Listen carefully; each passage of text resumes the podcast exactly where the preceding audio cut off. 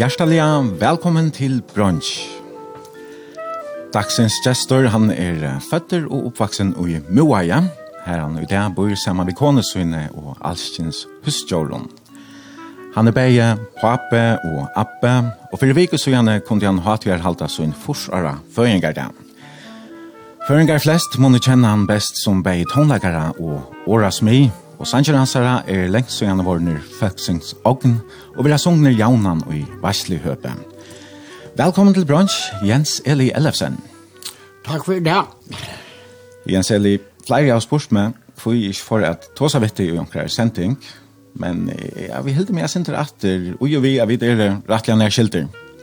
Du er nemlig mammabadj min. Ja, det er kanskje ikke løy, du hilder atter til, du var selv over at jeg har løy til vi er tåsa. Ja. ja, nu får vi det sådär. Men uh, hovast er kanskje ikke veit så eller nej om uh, tunna förstoj Du har rundt att det är åtta tid, men ja, vi har kanskje ikke sagt så nek til senast til årene, så jeg helt at det er bare godt høve, for jeg vet at det her, at trønner ikke appa i Moaie, her to Emmy, kona døgn, bolagas, sammen vi seie gas, donnon, hønon og hænon, her, her er godt løyvøy. Ja. Vi tar det godt av Trønne, og jeg kan godt si akkurat som er at jeg har alltid vært og allmennig heltid i Løyvene. Ikke minst det at man er fødder ut av bygd, og at man er fødder i fargen og i en så helt fantastisk samfunn hver og i ødel livet vel vi syna kvarnøren, Ok, vi kanskje ska ha ankrar originala i mitt men det er bare pröjer samfunnet. Det är ett rymligt samfälle då. Är det plass og rum for ett? Ja, sett nu för det att det var född nere i Arabien i mitt in alla de här Mælam, jeg har vært sikker lykka svekker som der, illa nere i, i Afrika, middelnes i helt fatak, tog betur at jeg har vært lukk, og jeg har alltid vært heldig, og ikke minst at det er fødder i fargen. Ja, jeg har alltid eisen tur helt gjør at um, Bigve her, her er et fantastisk utsøyne her vi sitter. Sitta og hava utsøyne over, over Mivås bygd. Jeg så ikke bra trøllkone finker. Vekker av det fakraste. Og så har vi Emmy synes ikke vi drekka mon her vi bei vafflon og, og køkken. Det er jo godt å være. Det er en veldig utsikt. Du sær kloning, du sær uh, trølkonumfingur, du sær krosstint, du sær melestint og du sær densatint. Og ikke minst at du sær åman i bygdene og Og det er vekker øyne øyla jeg gav minner, da du sitter såleis hona der. Mhm, mm ja. -hmm. Yeah. Kan du geisen minna å, vi sender beinleies, og om du som lustar hever hoa senda en eh, omkring spurning, et eller annet helsan, så er du velkommen. Telefonnummer er 22-400. Jens Eli, du hever kone, bøten, tre bøtene, og hatt seks appabøten. Ja, Og jeg har gjerne veldig større familie, og jeg utan om direkte fra pappa min var Elias Ellersen, og mamma min var Sofia Høygaard. Hun var døtteren av Peter Høygaard i Rydvig, og om mamma min var døtter Jørgen Anesi. Foreldren kjønner var bæg og kjønne så at Jeg har jo også om når vi kommer så lengt fram at man kan akkurat plassere genene for man breger til tror jeg at det er en så vitt spennende i okkar familie at, at det er jo ødel og krokene for jo nesten hver vi det var nærmest så slekt. Men samme jeg, ja, det resultatet er det kanskje vil ha større verre i det. ja, det er bare rett. Familien er Öliga stor, man säger. Og han um, held vel sammen alle gal. Blir vara så uh, familietreff, eller hva det kallar det. Du var ofta vi är snett eller det. Du er utanlands og så vidare. Ja, vi var så heldiga. Vi har haft Olav Røygaard, uh, sankaren, som er skiva for flere gavnstevnen, bare jo i Norskotland og, og Sord-England og Danmark, Smørøyke, og, og i Fargen. Og hver vi da var veri iver hundra høygårdar saman, og det vi gjort det at de unko, de kom a kjenna hver annan, og det er av valmiddelig godt. Ja. Ja, jeg ser det, Hette brunch, og i sendingsene ta skal gesteren uh, velja fem sanger til uh, sendingsene. Og det var ikke helt lagt, skilja lennom.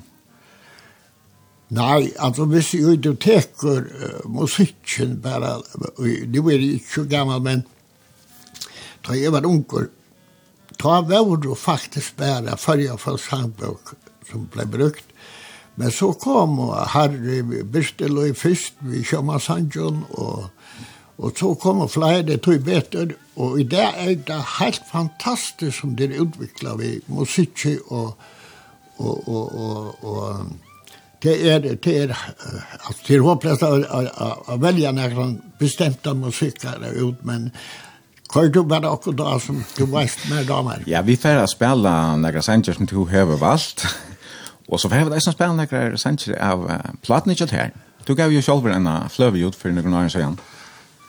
Nei, jeg gav ikke fløven ut. Altså, det var jo uh, akkurat vi menn som kom til min og sødde at her at vi måtte føre djevene fløv, og jeg sier takk tid og djevene fløvene ut, jeg vil ikke møte i Tumberg, så det vi selv. Men så sang jeg akkurat sang på i Tedjord. Ja, det var John Johans, ja, Johansen som, Johannesen som, ja. som uh, tog stil til det. Han. Ja. Mm -hmm. Vi får spela några sanger av henne, jasne. Men annars Jens Eli, du er altså, du er akkurat filter forsvar, men du uh, du råkast enn, du varst uh, ute efter natten uh, förra dagen. Ja og almindelig stuttlet å sykla atter fram i bjørgen og sutja følger. Helt fantastisk, altså, at, som jeg sier, Johanne, at, at vi skulle være født igjen og så ryk og land. Helt og almindelig deilig. Ja, det var vekkelig godt, eisne, da de var det. Ja, Og for jeg nevner til eisene, så var det vi en tur i Tintølme ved, ved Høyvig, Drønkjønn og Teimann. Vi var ute ved tredje og unge menn, og, og her var Sankur, Andras, og Klaksvig spalte på Hoppen, Ole i Gytter, og her var uh, virkelig deilt, og ikke minst ein stidland selvkjens der ute i Tintalmi, og Sudja Berge og Tintan er helt fantastisk, som følger er flott her. Mm -hmm. Så kjalt man får, så blir man omgalt i livet at, at, at, at beundra og kjenne her. Nei, ikke så løyde som gjerne fungerer nøklånda. ja, hun kunne kanskje også si at man bare vant til stvitta, siden man hette det, og man, men til dora så ikke at det vekker ut i enn. Altså, sett nå fire, at vi var født vi en og i hjerne, at vi bare åt og släppte åker ned vi tar som vi tar du etter, det er vi fattast litt, men vi er født til bedre vi bæg vi kjenslun og, og øren helt fantastisk vi heva det godt. Ja, ser er det to, vi kjer reisen i underhusen i Moa, ja? Så godt som hver morgen i dag? Jo, vi sitter jaunan i underhusen her og styrer landen, og Onker er fyrstlig at vi burde tykke løkte ikke vester og kjivdan av skai, hvordan man eier styra landet, men jeg vet, tar og at kom det til det, men det er kanskje kjummer. Er det flere som møtes der om morgenen? Vi pleier å være ute ved 15 og 20, og nå er det sommer som sykler ute, og tar, tar det hjemme, så er det rettelig her. Og vi tar det ikke vel i hånda alt. Ja. Nå er fitte tegner om man har bygd nærlig alt bort her oppe ja, av Trønne. Og ja, hvordan kommer du om man og nian? Nei, det var først hei en, en knallert, men Jeg ikke at det var så ringt å få, jeg, jeg ble nødt til å men jeg fikk en blåpropp i beinet, og jeg vet. Ikke. Og så mente konan at det var farlig som jeg køyre, så kjøpte jeg meg en sånn, en, en skudder av i trim og jorden, og huset av sitt inne, og en lato, jeg har lov å ha 600 pund oppi i latene, men jeg har ikke lov å ha konen oppi i latene, hun vil jeg ikke en gang på en pund. Så, så, men hatt jeg lov en til nok tryggingen av personen. Ja, ja. Ja, ja, det er altså en, ja, en, en, en blanding mellom en liten vørebil og en skoter, ja? Ja, det er helt fantastisk. Vi var og sova og trønna og ta fire og hadde fem sekker oppi, og vi kunne køyra trønner rundt alle som var. Det var Hatt er helt fantastisk. Ja, man burde ha kjøpt det for en 40 år siden. Ja. Han er en navn, nesten, skodein. Ja, det var så leis at uh, Samal Ababadji og Teir kjørte var partafellet som de kallet Kronan. Og det Kronan, det navnet brukte vi til vi bygde Hamraberg i Polen. Det var partafellet i kronan, og til partafellet jeg kjøpte, jeg har hørt det, ta tre, tre første biler som ble kjøpt til førjer. Og han ble eknevnt Lazarus, så at jeg skulle meg bare å se til Lazarus og revne oss ned, så jeg ble fikk et eknevne, men jeg valgte selv bare å kalle han Lazarus. Ja, ganska släsch ju Men han är nog inte några lasafär. Han han ser gott ut. Rymla nudger resten, ja. Jeg er almiddelig vel fornøy av jeg blir brann, og jeg sitter vel og sykker du igjen. Ja. Så det er ikke snakk om. Det er jo først jeg kunne komme, at og frem. Men jeg ser litt, vi er for at uh, spille, sånn det er håndleggelsene, skal vi ikke bare prate, og um, første sanker som ligger klar her, det er sankeren Gommel Minner. Vi feirer jo eisne at uh, tåsa om Gommel Minner, så vi ikke bare begynner vi om dem. Kan du lukka fortelle søvn om når sin her sankren han ble skriva over? Sankren ble skriva over, det var så la jeg at jeg var nok så inn, innblant av det skip, og her i middel anna var jeg oppe i Global, og vi tatt til Gillianes og skulle finne markene for, for svartkjøttet, så at hese mennene fører til, til Bulgarien, og forhandlet. Der hadde de lyset en båt nye der, og, og jeg var vei, og så fylte Peter, mamma, uh, uh, bror, halvt rusjoar. Mm -hmm.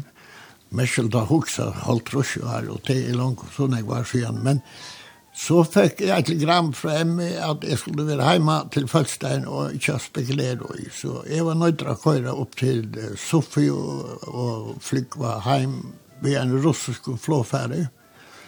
Enda jeg av lenda nere i Sydisk. Ta kom jeg skri ta kom jeg ta ikke om uh, så tøyene, badna tøyene med meg, og ta skriva en gång om minne. Nu og jeg ser her flöden til där. Her er det en fragrengene til Sanchnar. Jeg var en så en nok så kolørst fragreng til han her Sanchnar. Det var en bare som tog sig någon och jag var Ja, jeg var ganske ikke så, så øyelig rent og rådlet uh, i tøytsen hva sier? Nei, det var vanlig. Da vi kjøpte Gillianes, da, da var det vesenet på den måten at det var ikke kommet. Det var et hål som du skulle rekke i. Og det var jo rådlet, det var ikke, men da jeg så skulle jeg vese i tøytsen opp til Sofie, og da var det på samme måte. Jeg var først innan man fikk vese, men her var det helt av hunden til förrina kolvkavesi och her var oppe det verre. Och, men men hatta värre, hatta värre vanliga brukt dock ni vi såna för det. Mhm. Och men vad vad också vi du är att du skriver texten och en väsrot eller vet det var kanske några andra saker som blev skrivna. Det var det var i Grönland, det var ute i Grönland. Ja. Ofta var det Ofta blir det resten på gjort det. Det har inte alltid något att skriva vi, ja. Alltså det det som är att jag har jag att vara några skalt och och hvis jeg ikke har skrivet at jeg kom inn i høttjene, så, så er det Da sa du togla Thomas, han skulle være så ene stand, han da kom til han, bør han skrive en, en broarvis, og, og han bør da komme etter med en halvann time, så er han sanje klara, men hatt det har vi unga det haft. Men jeg hadde visst være høyre, sanje, gamle minner, og dette er en utgave som er av fløvene. det er tvær utgaver. Eina som to synker, og så er det eina, en, en som er felaksanker, og det er kanskje så leis de fleste føringene kjenner sannsyn. Og jeg vet ikke akkurat hva det var for et tiltak som er, men det var altså tidlig oppe i Moa i 2003, ja? Jeg mener at det var en, synker vi, et uh, nødjarkvalt alt. Ok. Vi tar det her, Gommel Minner. Gommel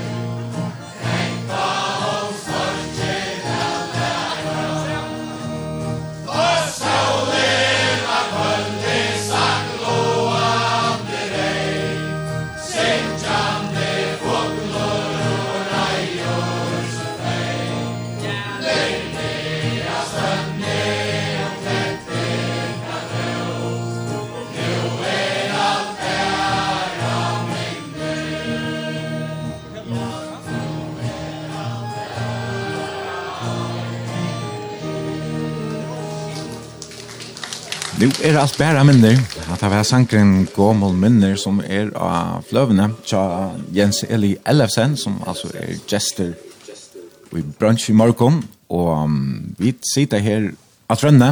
er Jens Eli, han bor sammen med Emmy, kone sinne, og skoa iver uh, spegelsblenkan, fjør, fagrasta vekker solen, hon inn i middelen, fantastiskt utsynning her vi sitter.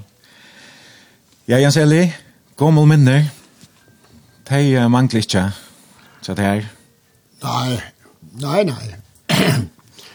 jeg har bare gått med det. Jeg har vært, som jeg sier der, Johan, jeg har vært så anvendelig heldig i Jøgnen, hele min liv. For det første så har jeg møtt en rikve av av anvendelig gående folk. Jeg er en rikve av vinnen, og det er nekver av mine vinnen som er dessverre deier. Mm Det er tølv skipare deier som jeg har vært reier i kvann. Og det var nå livet enn i åtta, ikke åtta livet enn i kursi som jeg vet. Mm. Så jeg har møtt en rikva folkse, og emmi jeg vil sitte og gjøre bøkald, jeg vil gjøre oppgjøre til dekkerne og kjødlende skiperne. Og da jeg har vært i nekra harmonikuturer vinneren og og då har vi møtt så mye nekvån av mannen som sier, jeg skilte vi hånden, jeg skilte vi hånden, og Og, og, og hvis jeg skulle ha drutt alt det ølet som jeg ble bjøva, så er jeg ikke vil jeg dra rett igjen. Jeg Sally, jeg så ikke da som er skipende til Negva her, som innstiller et lukke vi forsvar av føringer som var sørste leier der. Men nå får jeg da skrua tøyene forsvarer etter, Du var føtter under Krøynon, er så født du her i Møvaje?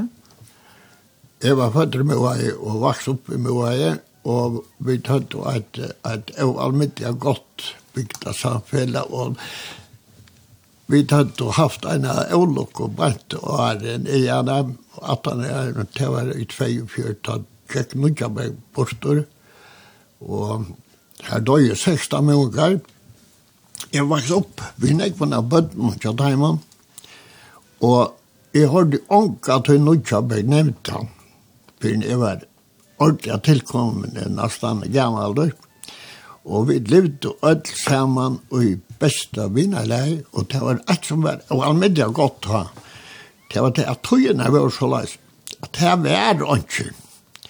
Altså i det jeg var jeg jeg lytla Jens Eli på besøk for en tvei måneder siden i Latimon. Og så sier nu för det ut att pelene pelarna upp till säger den här knudja som møter og och var skriver så kom kommer det ut det at alt alls den av fjøret, så ser jag kjapt, vi bor bare, vi er ferdig ikke ut av göra det det har regn.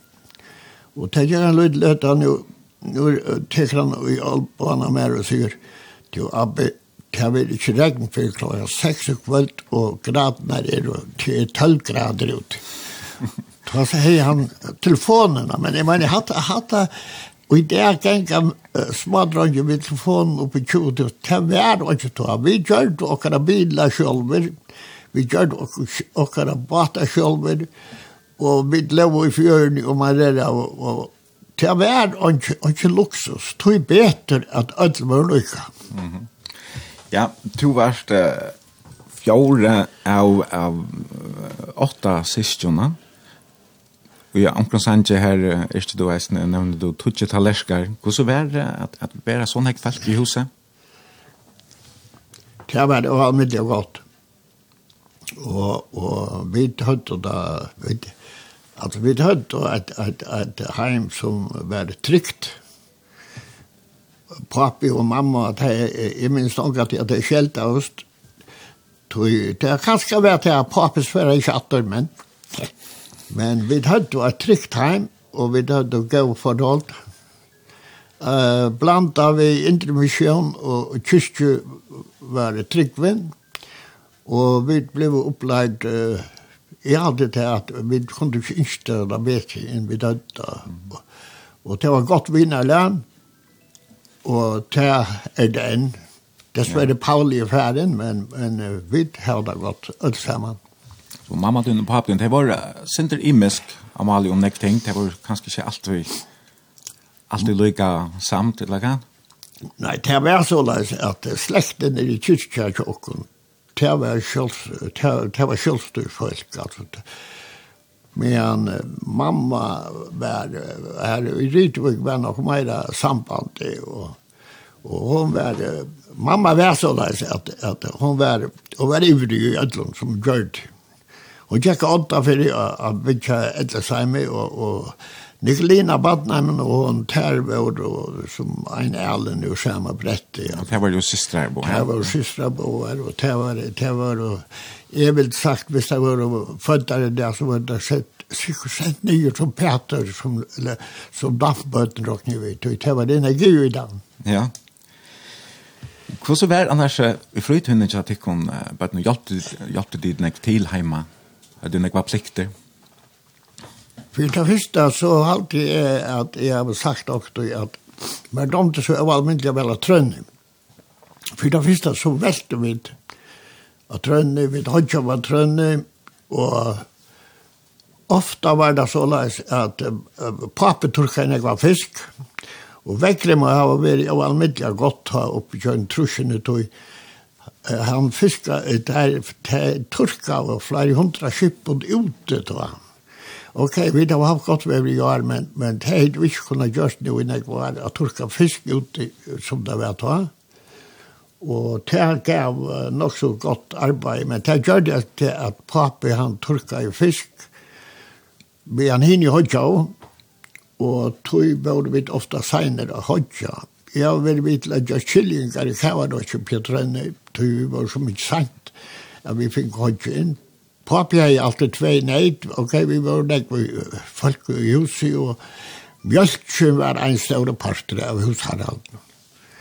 Men eh, vi tønte det helt fantastisk godt frutt. Og det var eit som jeg har vi undret papi over, at han er øyelig størt alit av okkur som pikka litt smadrøyer. Vi menn som her, og vi platt var av flåta. Han er alltid en båt som han sette og, og, och, och Respadegöden. og, og han pleide å dreie båten om han vi och tur. Vi då ska vi inte dreja om han selv, Men så slog vi dess litt jo båten om han er alle andre Vi hade et fullkomlig frutt lov, Og jeg må si akkurat som jeg, du vet ikke hva det framtiden kommer å bli av en liten unge. Men da jeg så ikke pedagogene er ferdig ved, ved Jesus smadrøyene og i gassagong, at han var så så då ja okej okay. jag hoppas det blir det bästa såna. Ja. Hade inte samma liv som vi hade då. Vi var ute Atlantägen. Vi var ute i Atlantägen och vi skulle då själva fantisera och till det som vi skulle göra som jag säger där vi byggde bilar vi byggde båtar och och, och det var det var ett, ett livande liv med smådrömmar. Hvordan var skolagongten? så var det skola ta? Ja, det må være to, to sikkert blir over kvart og tjej og fjørde eller så der, eller? Fyrsta klasse? Ja, jeg førte skola ta, jeg førte sinte tullje skola. Og lærerne tror vi tøtt, og de var akkurat gamle faktisk, men og jeg vil si at jeg vet var gods beste bøten i skolan, men vi kom så i jøkken tøyene, og det var, det var eisen nok så røyk tøyene. Hvordan hekt var bøtten vår dit i skolen ta? Uh, Tja minnes de ikke, vi da var nok verre en trygge klasser alltid. Mm -hmm. Og så var det så løst at det var kommet så lengt og dødde så fra at så ble flottet opp i en hagre klasse. Og, Men vi tar ikke en gav skola tog. Man har, man har annars ofte hørt at læreren var øyla strenger for det tøyne. Var det det? Lærerne hadde lov til å benke en vann hvis det var så løs, og jeg må si akkurat mer at jeg kunne aldri huske sammen med være lærer og oppdage at trutjer, luttler, fyrer, og irriterende med grenselest og ikke er mulig å ta og benke der, men det hadde jeg ikke lov til det, lærer. Nei, det er gonger ikke. Det er gonger ikke langer. Gå så det her, Du, er virkelig som jeg tar lovlige personer og gode fantasi som ofte finner du på alt med lemmelger. Skikker du der pent i skolen, eller? Jeg vet ikke. Jeg tenker til at jeg nok finner tek. Jeg vil si det var spurt også når jeg var læreren, men det er alle deg nå. Tek, hva var det? Jeg vet en karakter man fikk, eller hva? Ja, det var en vanlig karakter. Ja, nu brøyta det i skalaen, og nu akkurat det er 8 til 13 skalaen, men det var, det, det var et eller annet vi uke, uke minus. Og, ja, det var en rikva. Mm -hmm. Nei, vet jeg, mine hjemmealdre er tømt og ytla gang skjula. Vi vet jeg, drømte om meg da, altså. Det som vi så opp til, det var råkskipar og sånt, ordentlige menn. Man, man, altså, da var det nok så vanligt at menn tog hatt av være en ordentlig mæver. Men det må jeg si, jeg har ikke hørt nekra sier hatt av en ordentlig mæver nå i flere det var ikke mange det etter. Nei, det er ganske minst det er brøtt, altså det er aller helst. Men det er det at man er livet for seg, så har man opplevd sin akvarium, og tøyene er brøttast alle tøyene. Det er... Det er øyene brøtt. Tøy beter reisende. Nekva måter er øyene brøtt. Folk er da godt og det. Og, og vi hadde folk er vel fornøye i høver. Det er, altså, det er ikke, det kan ikke være nekka så ringt som har liv i en samfälla hver i hälterna ganska skruper og, kryper og rinkon om så. Det er en øyelig måned av livet med folk som har det godt. Så bare når den var god? Det ser där, där jag har vært så heldig alle vi i Jöknum Per jag bad nu är nu och nu är sig äldre sen men Men eh, tar man teker opp i dit, jeg hadde han blev tjej 85 og tar kyrka blev 85. Så jeg håper att jag klarar å slå der ut. ja, det är väl nek som vana. Jeg Jag litt, du har valgt flere sanger og vi sitter og prater og prater, og vi må eisen spela noen sanger i midtelen. Ta nästa som ligger her här listan som är, det uh, Slim Whitman. Mm. I'm casting my lasso. Det var kanskje sinte seiten i løven, så det er at to fikk uh, fikk øyrene opp for hesten sannsyn, va? Jo, jeg var ikke akkurat nere, i det, men det som, som jeg kan minnes særlig vel, det var da jeg ville ute i Grønland. Jeg var ikke ute i Grønland, og om hestet, Ta kunde det være så almindelig jeg høyløkket, og så hørte du en sånn kåpe i sannsyn her, Og jeg må si at, ok, man har sikkert vært, jeg synes du avvirket av, av, av psykos, psykosk og kanskje mer følsomme, tror jeg, men helt fantastisk å høre kobbersangen her. Mm. Man la her i kodjene og drømte seg hjem og i kneppen og så deilige jentene, men jeg finner ikke ta. Og så høyre Kåpa-sangen kobbersangen, det har vært helt fantastisk. Vi får prata nekk meir om Arne i Grønland til seiten i sendingsene, men først uh, skal vi høre Slim Whitman, I'm casting my lasso. Are you ready?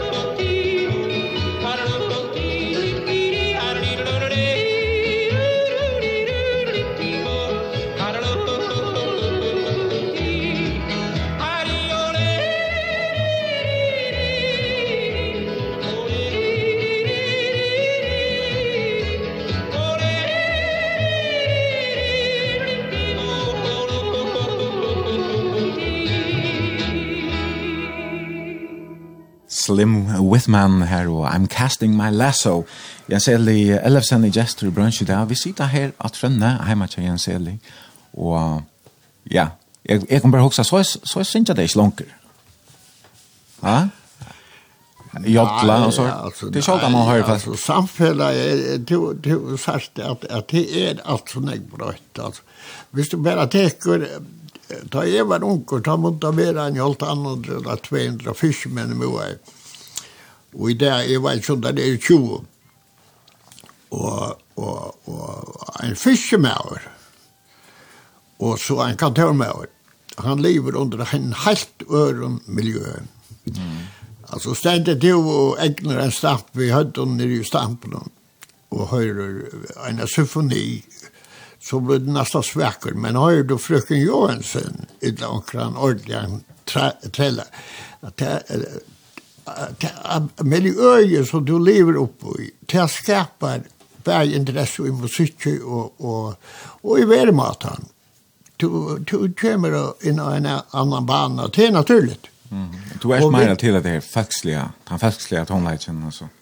Jeg skal si det, jeg har alltid dømt og almiddelig vel og middelen at hos vi fiskmenn, Og, og jeg har jo alltid, altså jeg har jo ikke møtt iverklassene før, i røver ikke, men, men jeg er i fotlen alltid nek bedre sammen med fiskmån og tåsa om, om, om ordentlig fiskarøy og, og, men om en, en krakka hever meg litt av minne sukker og gitt litt, det, det interesserer ikke meg. Altså.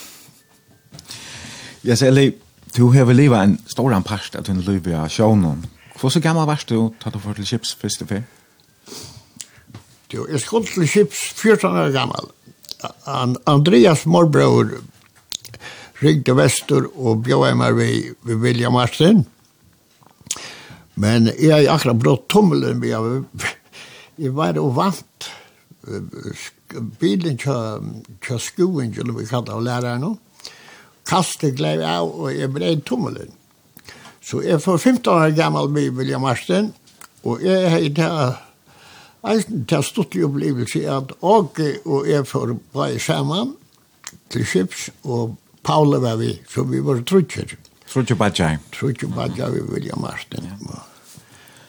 Og og var vi i Salfiske, og så var jeg vi og en ørenskip i midten, men så får jeg at vi William Martin, da var det Niklas morbror som var skipet i Silt. Og William Martin, det var en slopp som, som hørte til familjerna. William Martin var en slopp som Vi var godt 20 år, jeg vet ikke akkurat hvor skammel han var, da jeg kjøpte William Martin sammen med Even som mann i havn, og så kjøpte tog han han i vår, og nå leser jeg i, i onker Skilmauer skriver en dagbok om, om Lenkaban, som var først nye sitt med i Rydvøk, Og her sier han det at Abbe var ferdig til Bajasund, Søymen, av Skvalan.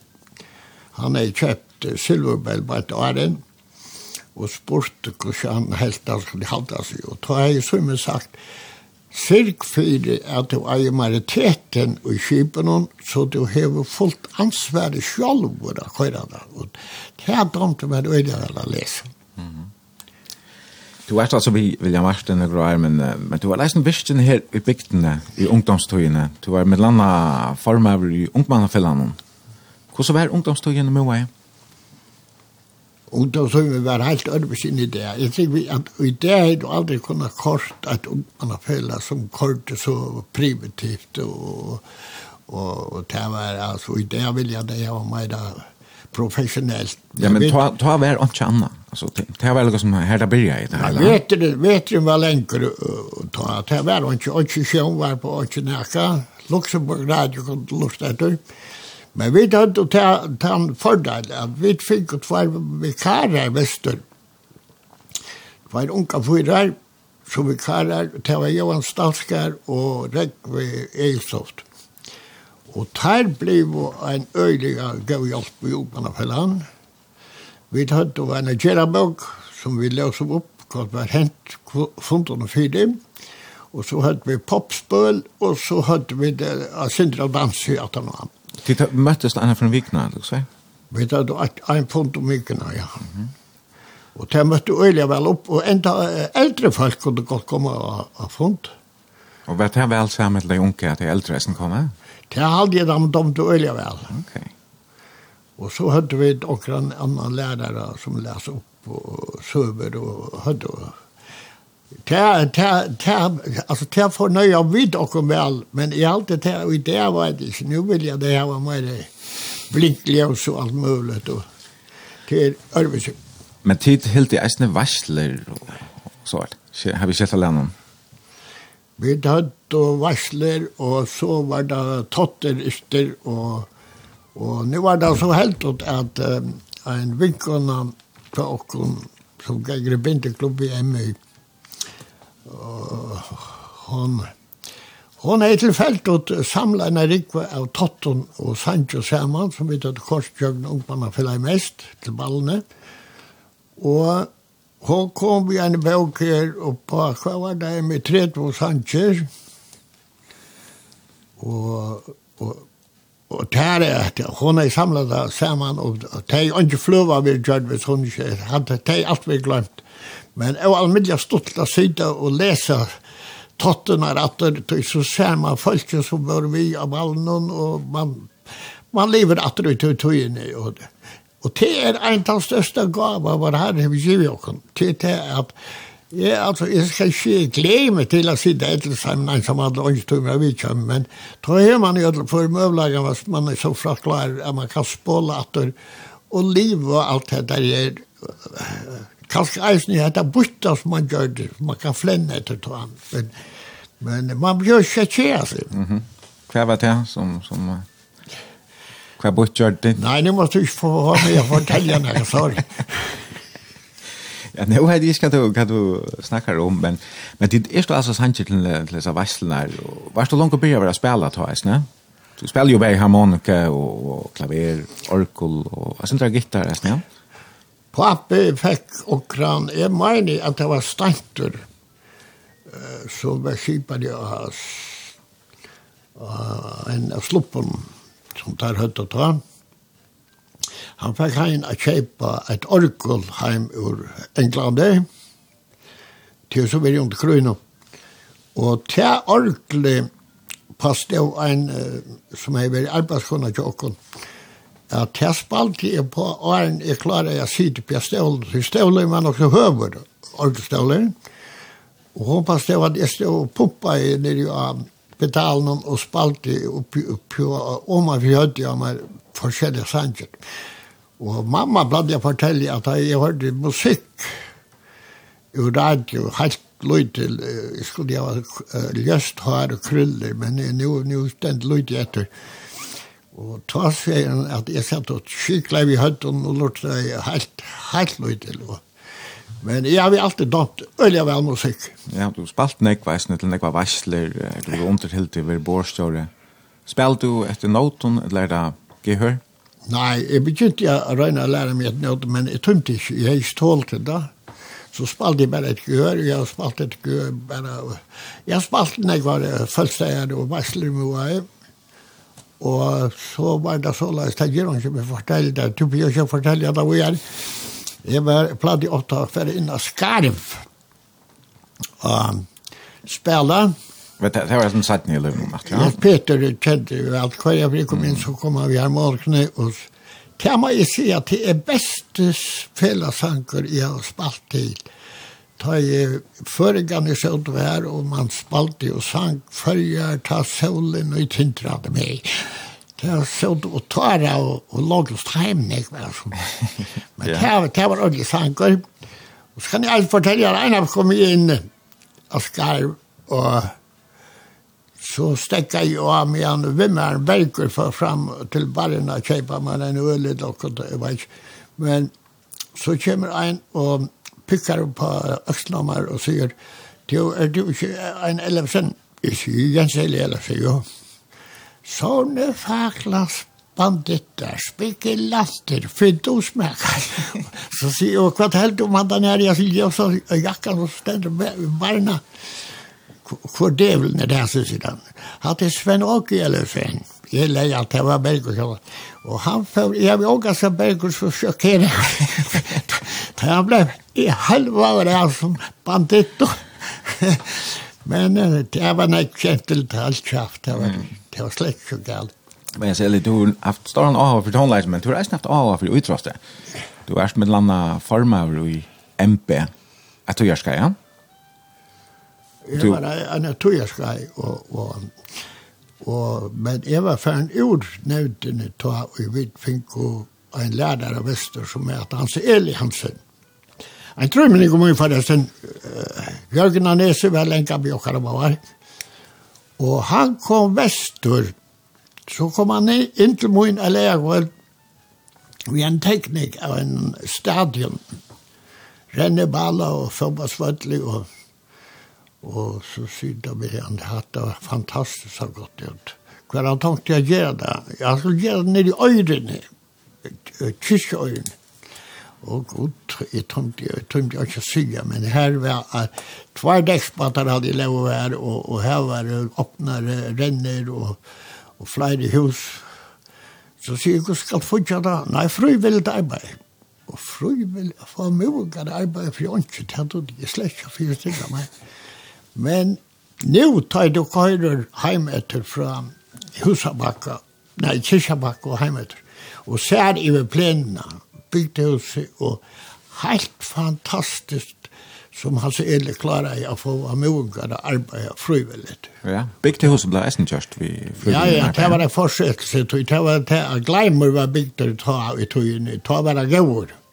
Men tøyen gikk fra hånden eisen, og her var ikke varme, og vi tatt og varsler her til Det var, altså, vi måtte etta rastkjøtt og sopan øyelig kjøtt hvis det ikke ble vise kaldt. Mm damerna kom i, i, i flott och ballkjol men det var skött att tog i att flackan och men men så, det var så en det var planen att få gjort ett moderna bygghus. Mm.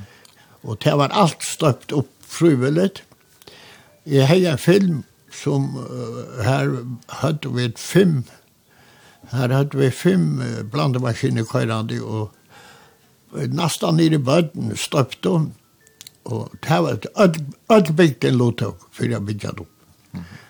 Så det var helt fantastisk. Jo, du selv har spalt fotboll, Teisne. Jeg vet at du rå kapp. Du vi moen, ja? Er du ikke det? Jo. Spalte du fotball til MPS, ne, som unge? Ja, det var ikke kapp for jeg var gifter. Jeg var noen til heima. Jeg har jo ikke sagt av hjemme, det var godt at jeg miste en i åtta, nødjo, Ola søker bort, og jeg var unge sett nu fyrir at man er litt tvatt opp i plantasjen, talt unna vi konepølse, man kunne enda som tak tak sei man han kom illa fyrir. Man kunde enda som en bønt i, i, i trødlet nei trødlanes i illa i sumpa i dagstad men hatta slapp man undan du vet man var borste kvar sommar Det er noe eisen godt av sumpa og trødlanes ja. Men kanskje ikke så godt som hele trenner som vi sitter Og vi sendte beinleis brunch, og det er til å sende en helsan, en vimerskjeng, noen spurning av sms-kjøpene 22400. Vi venter etter om han løte ta for å ta seg sint mer om sjåmannsløyve og turene til uh, Grønlands. Men først hadde vi for å spille en sang som er av fløvene til Jens Eli. Han heter Sjåmannslagnan. Nei, var hessen skriver over hvert av de våre her i Ivre, i Grønlandet. Det var da vi røver ut Grønlandet. Det var så løs, uten rygger. Det var så almiddelig og godt vever inn i havnene. Og her kunne det være stittlig og, og hente sølskinn. Men kost ut fra så var det stormer. Og så var det enda morgenen da Rasmus var det avloksalige grover utrømme med. Og han sier ofte til at jeg med over som ikke vet at det for jeg over her, det var ingen utrømme med over. Og vi kom nærkere fra at det var en traverkollende vinter, et tøk, så er på akkur hvem man er at man enn veser og, og, og her la en penner og stod og ytla i maskinrummet så tog jeg og skriva i andre sannsyn Og det er Sækars Reinager som, som synker han av fløven, ja? Han synker han her som du hører han, ja? Ja, ja vi tar han her. Her kommer sjåmannslagnan. Ja.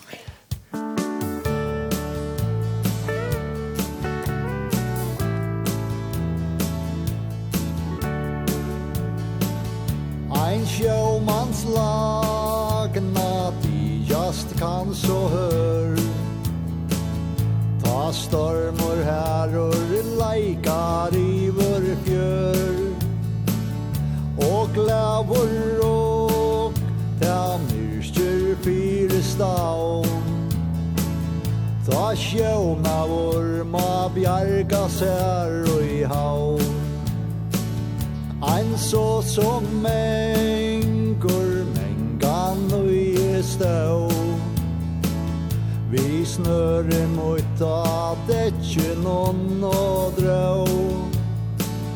Og i sommar lukk og en så vetrar kvall Ta nåra natten ræk om rygning kall Som sjåmen flest er mengan lyftig av At det hetta vær mun sørsta fer om hav Ei skulde kaos mun i vor hav stå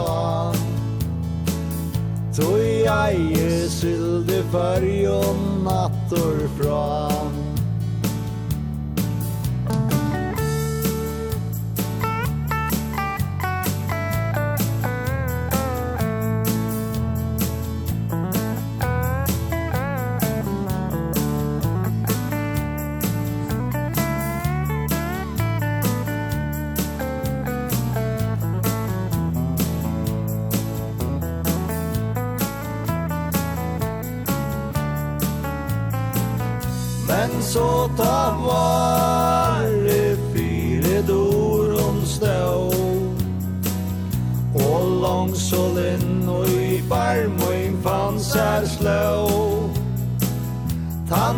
sang så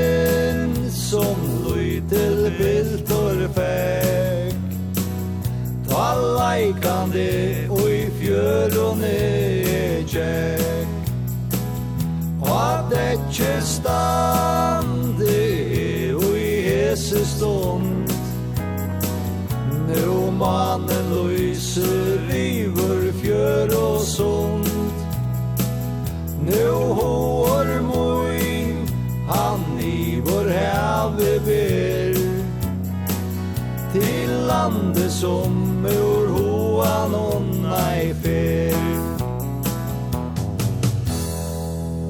Vi har då Sækars Sirenakar Sintja Sjåmannslagnan som Jens Eli Ellefsen, dagsens gestur i bransj, skriva i av en tura i Grønland og i 1900 og hva Jens Eli? Ja, det er vel en for godt trusjon. Trusjon, ja. Du varst, du varst ikke, ikke så gammel da du får livrer, og det er var ja, det var som det var nok så streven tog. De var, var borst og landtja. Og jeg også var, da de uh, får av sted ur fyrjon. Så var det færre sted til Grønlands festvær. Det var uh, en allmennelig, det er best at vi i min løyby, det var utdragen Grønland til årene.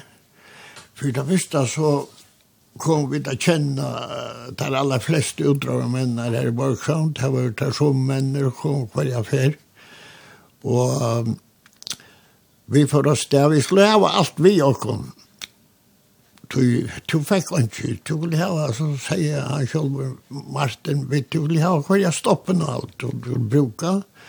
Du ville ha projant, og du ville ha alt som du har bruk för att turna om. Og det var grunnlig hovalet å møtes i havn. Ofta var det lunsje, og byen dapperen var klar, og takk for å sette kodger opp, og, og, og takk takk frianten ombord, og, og alle utgjørende, og ofta sette båtar og dekker. Så selv vi ofta utenfor uh, bokhandelen, og så kom flere og flere som vi kjente fra turen åren, mm Og her kunne vi sitte og hun og hun, og han med det stått litt. Og da var det nok så stått litt, og så ikke jeg sier det, kontormenn her, ja, og da kom vi en lyttler mapp under armen, og så tagg inn akkurat kone folk, stått i middelbarne, og så kom der klaksingene vi nye brotten uh, lenkestivulen av sikkerferden, litt lærne, sluppan og tagpøyene, tagpøyene, där sa man at det tracka og fast ner i jörn og det var ungen haster. Alltså. Men det var nok stolt å sitte og ägla jag folk her. Og, og vi tøtt, og, og, så, och så tar vi så forrom.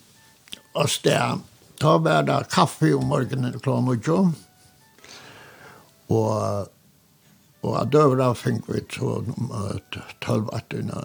da fikk vi døvra, og ta skulle vi stanna i kö en talerski og så ble det øste på inn. Jeg og sett filmene om fra, fra Gjøten under Kroinen, det var det. Så fikk jeg en tallerk vi, vi suppe. Det var en rasjon, altså.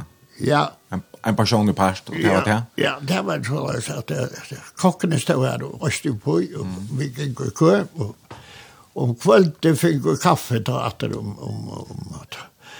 Og så at han har jeg har jo ofte her målkene av vei, så var det sørvinger her som hadde gitar, og så framfor her framme i Skarpen, her sett vi dere og synkja, og det var grivelig ofte at de gamle mennene kom fram eisen og synkja vi og så Tjoden, han kunne være en skjede i Grønland, så vi, vi kjente dere ikke bestemt ikke.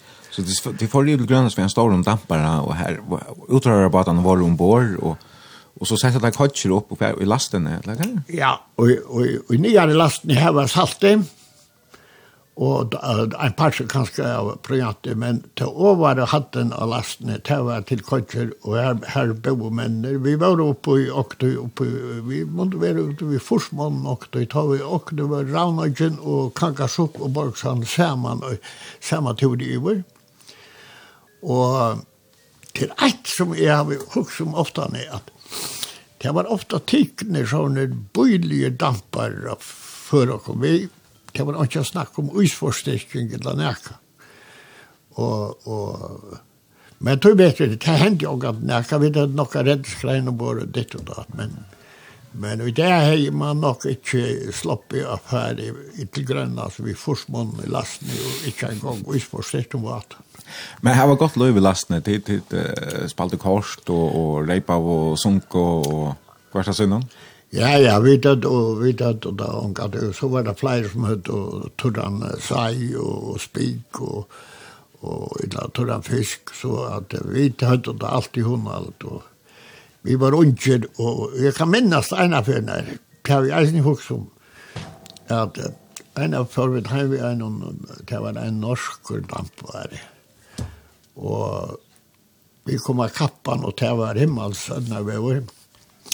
Og han länsade så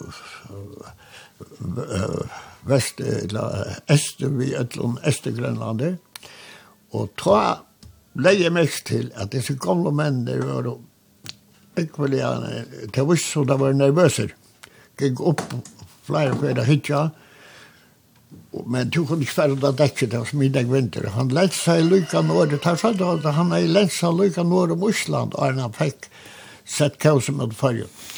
Og at han har her i første er at her har vi beina for at vi var rent inn i i en uisbrygg, tog at hvis vi får inn i en uisbrygg i hans vekkron, så hadde vi som i vågen, så var det så mølebit sunter i mjøland. Ja, det är henne när hon har blandat sig på det. Den blir jag sälj. Är är ju nämligen like Joe Rice nu men att jag tog ju bättre så så Jack där gott jag kan kvar för det för Grönland. Det var någon kan inte komma lucka. Men Nej. men du, så du säger det var forsmans alltså var det så här på att han är imsa stannar från i landet någon. Det var suringar, og det var skoingar, og det var sandingar, og det var sørvingar, og det var sandåsmenn, og det var moingar, og det var... Og vespningar, onker og kome, mm -hmm. og kolfringar. Ja. Og det var eisen nok så stuttlet av sånn forskjellen av månen. Det var det kolfringar spesielt uh, stuttlig å prata vi om det. Det gjør nesten det samme hva det skjønt, så var det å grøyne hva jeg fyrt. Det var et åralega som ikke er redd om. Skogene var det sin arbeidsen og sandingen er det alltid lov mest av bildelag med okken. Ikke å snakke bort enda, men vi talte jo ikke hvordan det glas. Hine veien ville si om, om omkring av skolen, hvis du fortalte henne glas for henne, så fremte henne gå syk for hva det er at han var. Var det godt sammenhalt annars mittel dikken, altså?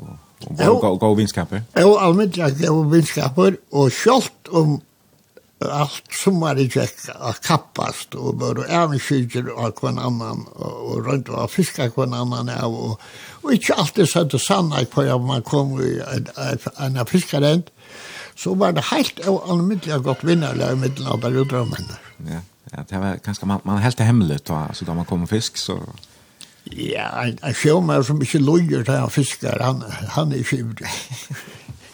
Og da, som jag gillar han så så fiskar det vi snelle, og som du sier, til via og, og, og lossa och kvar skär så så det blev lenter etter det kan egna fantje. Ja. Hvordan Hur svär Vi hadde å tro då tröjla fyra olja råkar. Ja, kjente man vel da man var her, i Ja. Vi kjente, jeg mener at vi kjente, jeg mener at jeg fikk akkurat opp i møter 18 000 kroner Og ta var vanlig høyda vi sluppen noen kjølt en salfiskantur og utdrag om Grønland. Nei, utdrag under fargen. Jeg tykker alltid at det var mer enn 6-7 kroner. Så for oss vi kjente vi nek, og to hei litt av skatt, og to brukte jo ikke øyne at jeg hadde lost opp i Grønland. Nei, nei, nei. Men det var så eisen vekk fem måneder, det var, det var ganske helst alltid så lagt. Vi var fem måneder vekk, og, og jeg må si eisen ta at vi var nøygift, alltså man var så smägen att att ja, man man tar det nog illa mossa komma man är väl låg veck. som är vi har så så hade det mynter av damen och i kolchen och jag har hört att att damen är där där gjorde näck på stora få flotta mynter där folk fotograf och sånt där. Att göra sig vackra och och så jobba eh dronken eller mannen och mynterna eh Var det så leis? Att här hinko i kotchen och jag kunne, liksom. Men jag bøyla vi av kunde men men jag hade inte at, att att alltså jag hade til at, att att att det er ikke til att jeg kom för seg gott ut. Man vet också av en var helt öjliga flotta damer. Men da du pratar litt lite løte, så hör du att, att nesten så av dem. Det er spurning hva det utstraler som menneske, nek bare. Mm -hmm. Og det er utkjønne, du, du, jeg tykker hvis du blir gifter med nærmere kon, at, at utkjønne, om du pena tenn, på en av døy, du riskerer om trekk tenner ut, og det var sted. Men man er ikke vel på samme måte, hvis du kommer til at det er også det samme om man folk, at en flott og fyrer, men altså, her er jo snekkvinna for det, altså.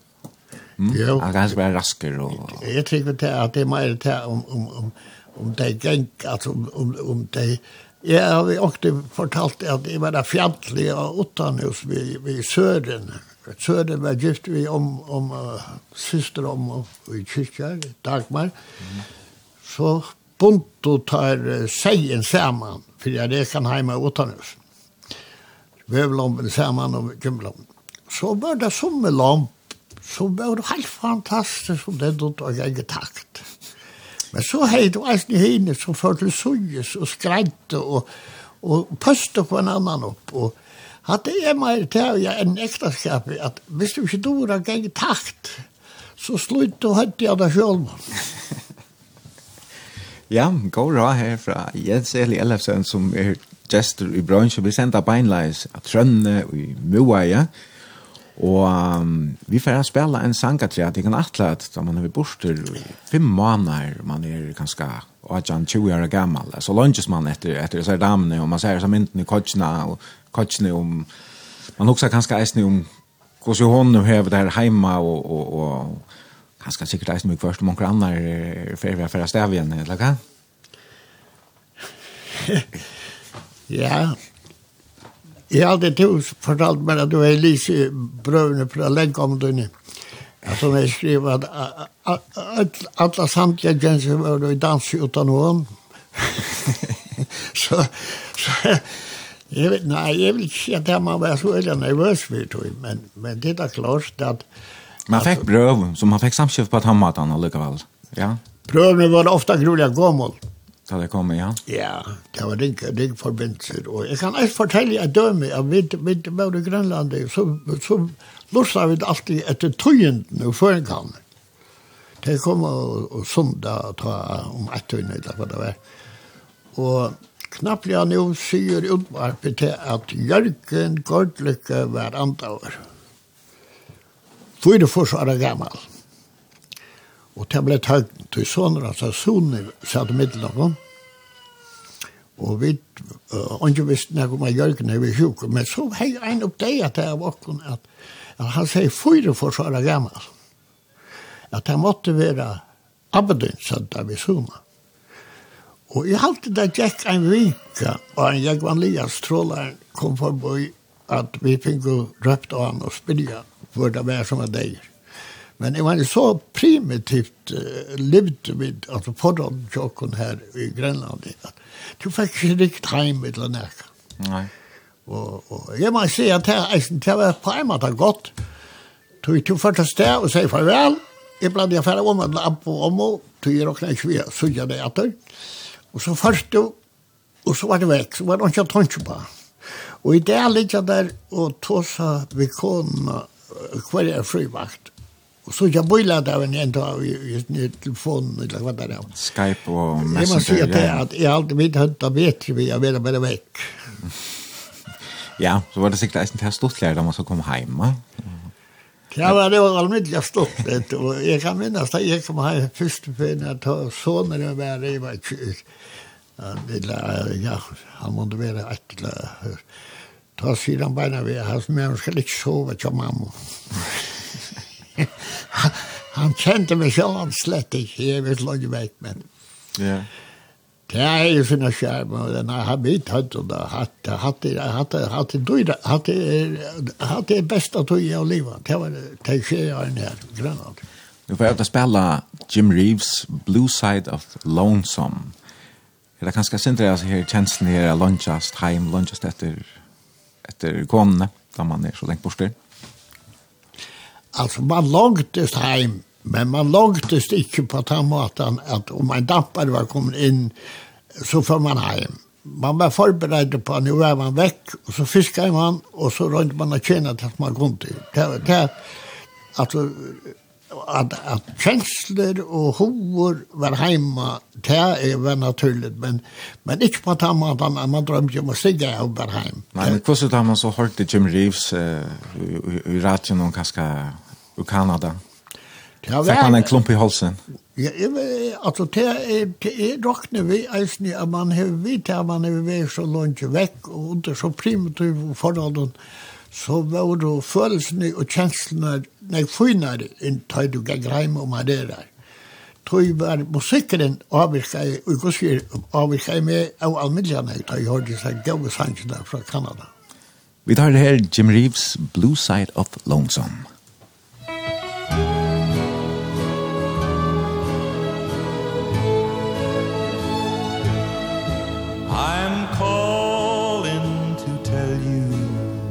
it's over. Yes, darling, you're now free to go. You're saying you're sorry you hurt me. But you hurt me much more than you know.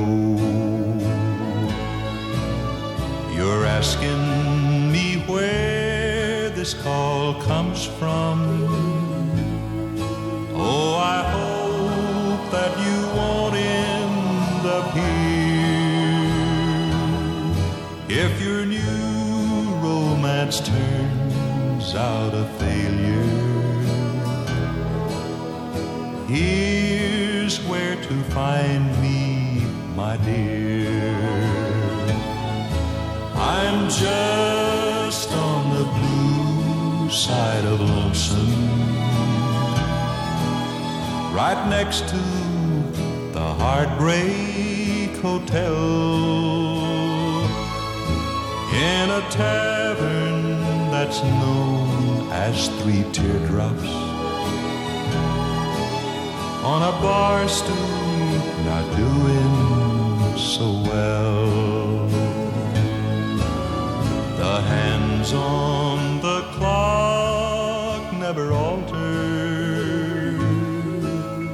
Our things never change in this place. There's no present, no past, no future. We're the ones who have lost in love's race. I'm just on the blue side of lonesome right next to the Heartbreak Hotel.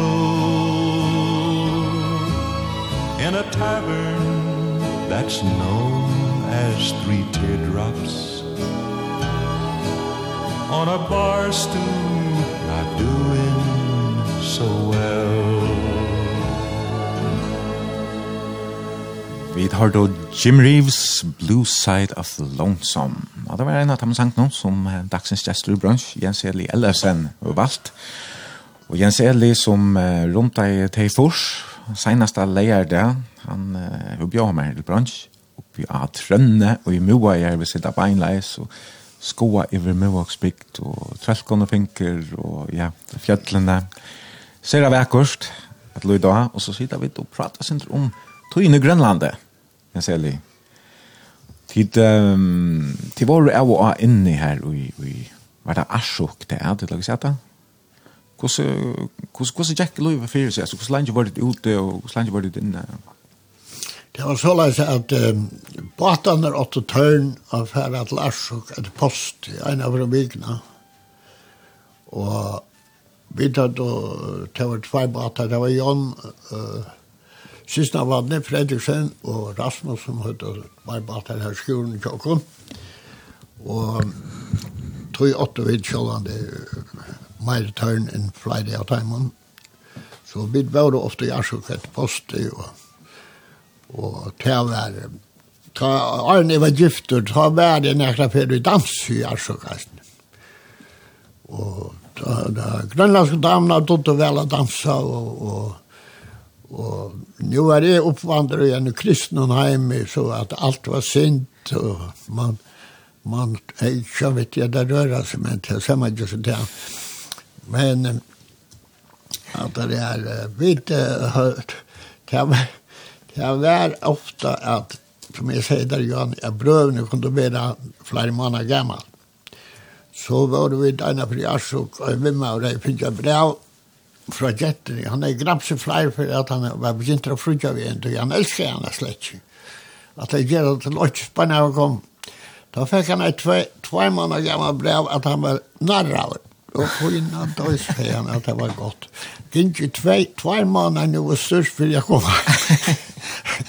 Men vi hendte da, altså, det var nek kjemter som hendte da. Ja.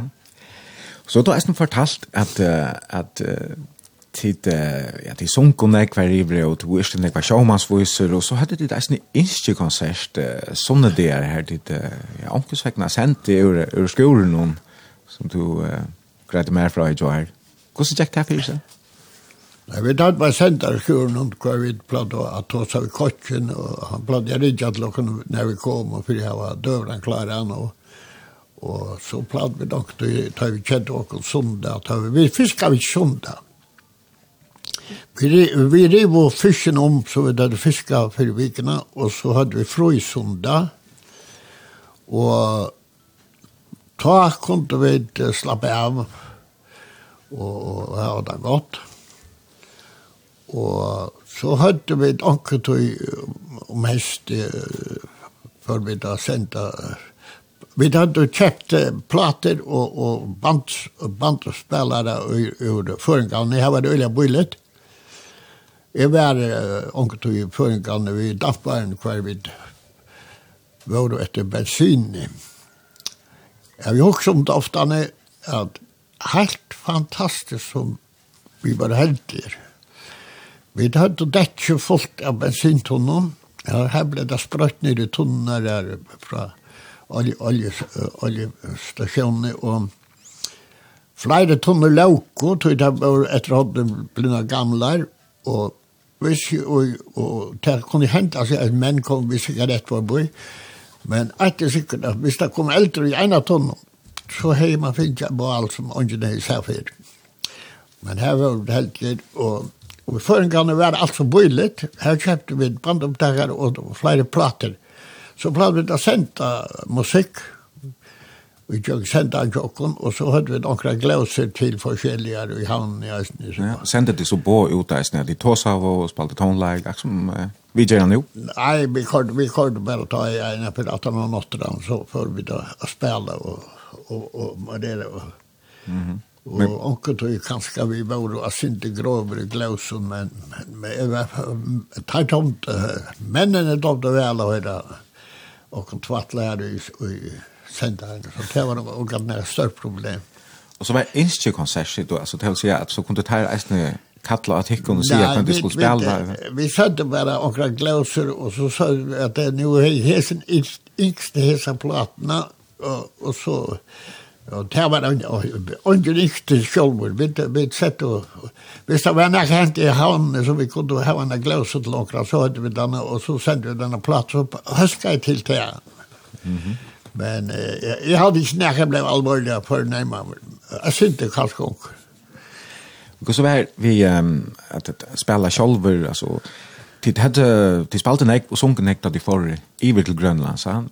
Mener nesten tid hadde konsert om båret, reisende, reisende, dampar noen, laga? Nei, vi hadde, vi hadde faktisk fela sang, vi var nek unger som sett og kunne spela, og så kom, så kom flere manns fram, vi var ofte framme for båret, det var det plås her. Mm så så du där och så åt du tog en fisk och spik och, och sunk och, och, och, och hade hon allt.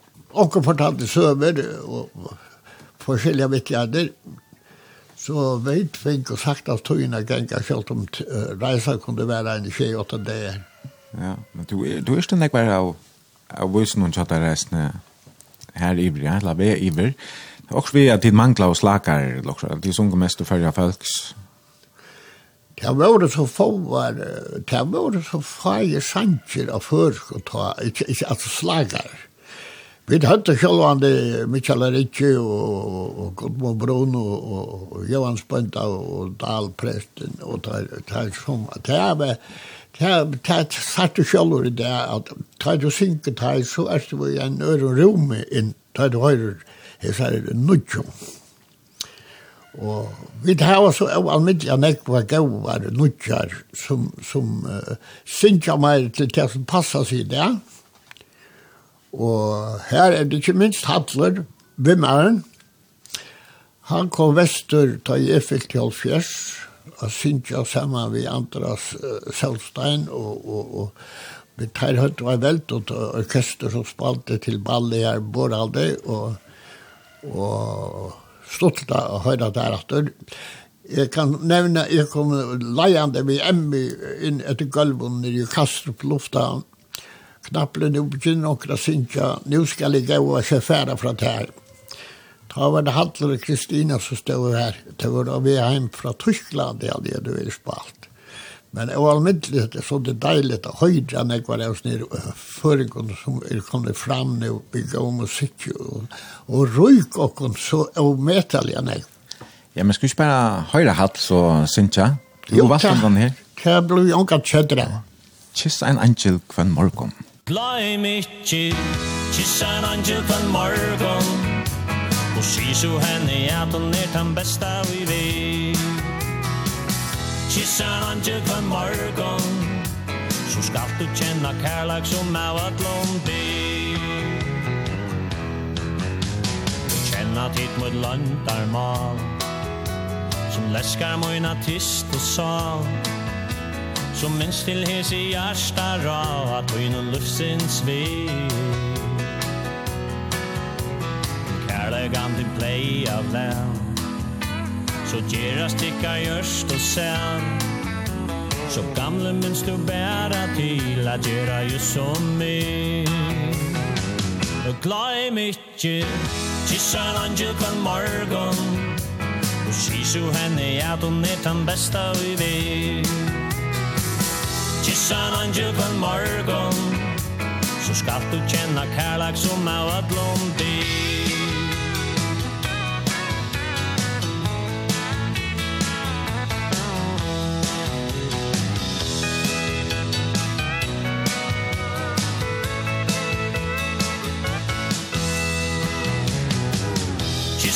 angel kan morgon Og si så henne at hon er den besta vi vet.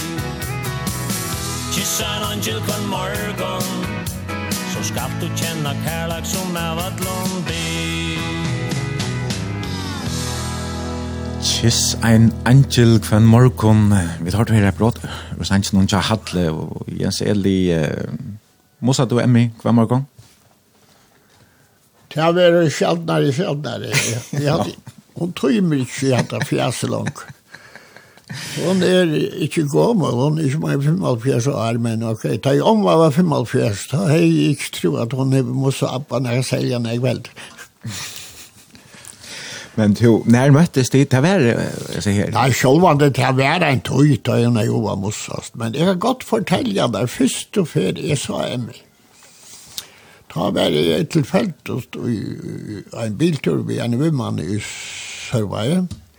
Og jeg så ikke en jenta for rennende bare fremme for kølen sjokken. Og for ivre møter han selv en handel her. Og, og så tar han opp det her og spiller søyes og han hykker. Og egen ikke akkurat møttes og han flettet. Jeg tenkte til at jeg kom ihåg som Saul da han var av vi har forfyllt at han var kristne. Tårans lener i høyden og alt det der. Men jeg må si at jeg ble forelsket av henne, men så var jeg biograf, pantaren i følge Grønland, og nå sitter den der kjenta framfor meg. Og det var en film hvor en gammel, og det var færen og lokka en unga vissar i ferie og et hotell. Og han skulle kvila og i heilen, og hun var deia trøtt av kvila, og så var anker sena hver, og ja, ikke var beinleis for bøtt. Da kunne ikke lade være, og jeg ikke i sløyfen, og damen sa fram av fyrir, så vendte jeg seg atter og flente, på samme måte. Jeg var lykka på det reskaver, men så fyrir til Grønnast. Og jeg også sier flere om disse damene, så kom jeg alltid og sier vi akkurat han den eldste kjø urmakeren. Ja, hun var akkurat blitt forlovet av gjerne.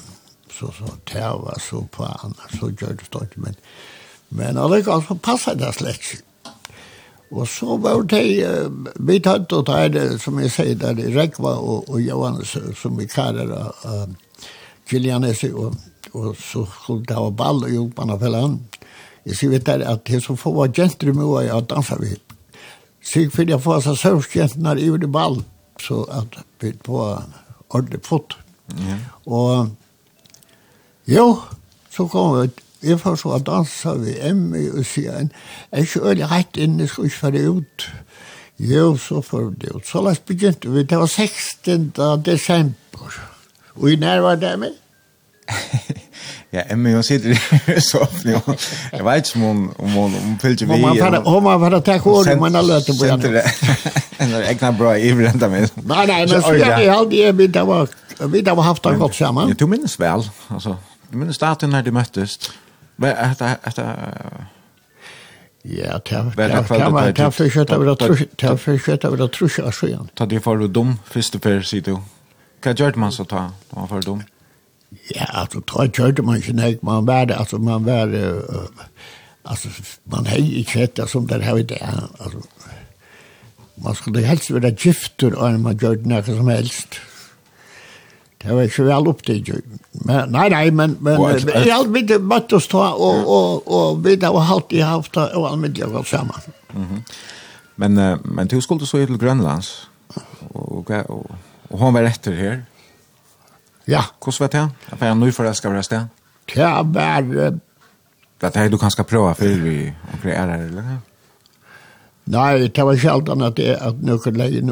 At, at Emmy var en av dem for oss leien er rymig, Men, men Det var det, det var det sjølvande dampar. Vi tar jo dampar en leie fra kajene her i havn. Og vi stod alle på dekjen, ta sunk vi ofta til alfagra land mot, og så hørte vi eisen jeg fastan, det var eisen jeg til heimamartin, her var atlans altan bryter, men kan reise seg fra grunn, følja fiske med av og sluter til å veie, og, men saman gjør, ta jeg så dampar snæra rundt, og man sa bant i vra veriskip. Ja. Og her lå alle marinaren og bor, og Her skulle være her i førgen, for jeg ansetter at russerne ikke lov bakom, men det var godt at ofte ta hei man hov at, at leta hon hette klare og sjølva i nesa vøydana. Ja, det var kanskje ikke akkurat det mest betryggende jeg så ikke at han var for å sted til Grønland. Man regner nu og klare for land etter damen. Jeg er ikke i kjiva si at det var vakt tanker til han ikke når han så var det ikke noe hukt. Ja, Nei, det var gøy, til. ja. Men så varst du jo, ja, de var borster og som du greide fra igjen, så, så kunne de skriva at du fikk brøv kjølt, om det var nok så gommel da det kom fram, og, og hun skriva i at, at og, hun var hemma med en hinne for ut å dansa, og, og, og så er forskjell da. Alla var danskjotan er, ja. jeg stel, legg av hva du skriva i. Det var ganska nekka som det er, det var kanskje vanlig å skriva det, men uh, ta det så komme, heimater, at han nå har vært bort til fem måneder, nærskast færgen, så kom det de ta seg sammen, for første ferie lenge tog. Det var nok så fast at, at, at nekve mans for av brunna og lusta om vi hørt og utvarp. Da vi sylte med færgen. Og, og det var, det, det var nekka som alle langt og stetter, at det høyre utvarp, i tøyender i færgen og, og, og det var det. Og så kom det telefon på å komme ned i lasten at, at man ble oppringt av ja, konen eller, eller omkring kjent henne. Men hatt det i sine skjermer. Ja, det var jo jøkken Torshana Radio, man kunne ja. gå så sammen. Men det var lykket til jeg vet du at, at som hadde utvart, det kunne så lortet vi i eisen, ja? Ja. Hva, hva, hva, hva, Det skulle være tiltidig til en klassikon sier i i Tørsarreit, at nu har jeg finnet vese, så nu skjuter jeg trappene. Tell jeg var sånn, jeg ikke seg bare vese trappen. Så det var så att det var ganska det som i där Facebook kan man snäta efter kväll kväll för skrivar och så tar väl tar en radio man kunde det så lura vi kvart att kan fyrcheck så löven och kör dem. Det är ju att si at det var øyne jeg som lustet ved Torsan radio alle togene, og, og her kunne du höra nej det kan vara alltså det altså. man ble blev det tant ofta nu alltså gå vet du hvordan det var klara det, för vi engagerade var. Ja. Ja, men uh, det var ju kvar en annan tog. Man måste ansa efter kan man så säga, ja. Ja. Jag talar man fram och undan hur man tar sig och och vad man kunde se och vad man inte kunde se. Man skulle vara själv försiktig när man tar sig till till till visst det att att har tar sig radio. Men men hinner vi vill jag säga till att det blir ett truschfördrömt kan jag kvar. Och och men jag äslet att folk var så upptagen av att de möjligen, du vet inte vad jag gör Nu, nu, nu gengar folk fyrir ondsi ta mesta av døgnum.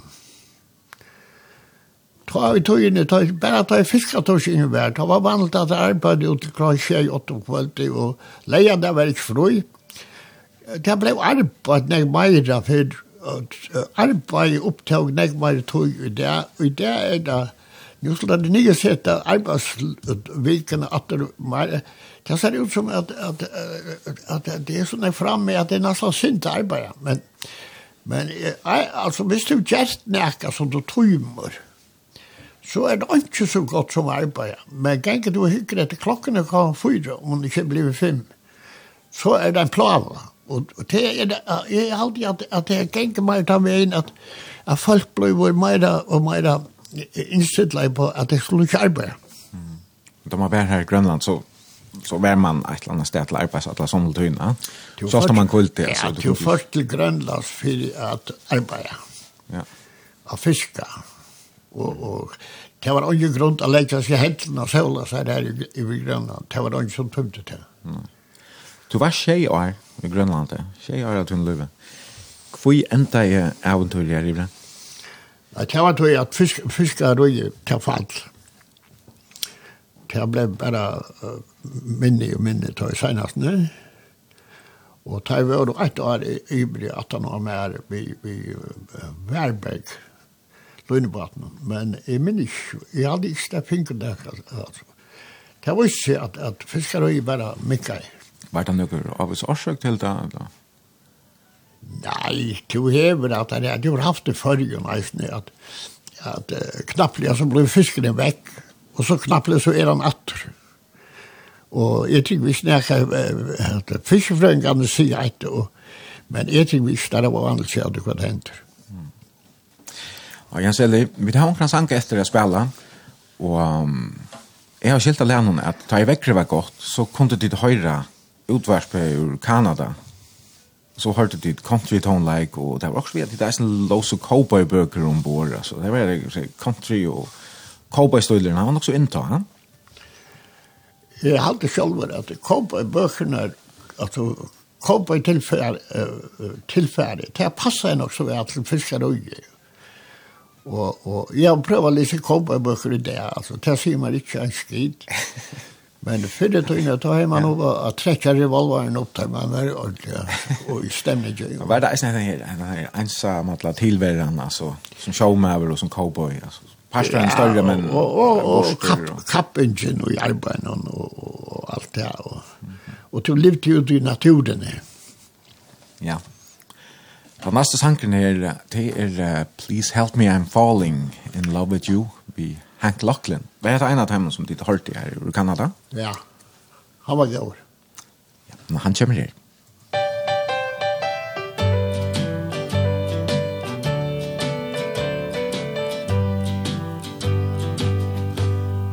help me, I'm falling.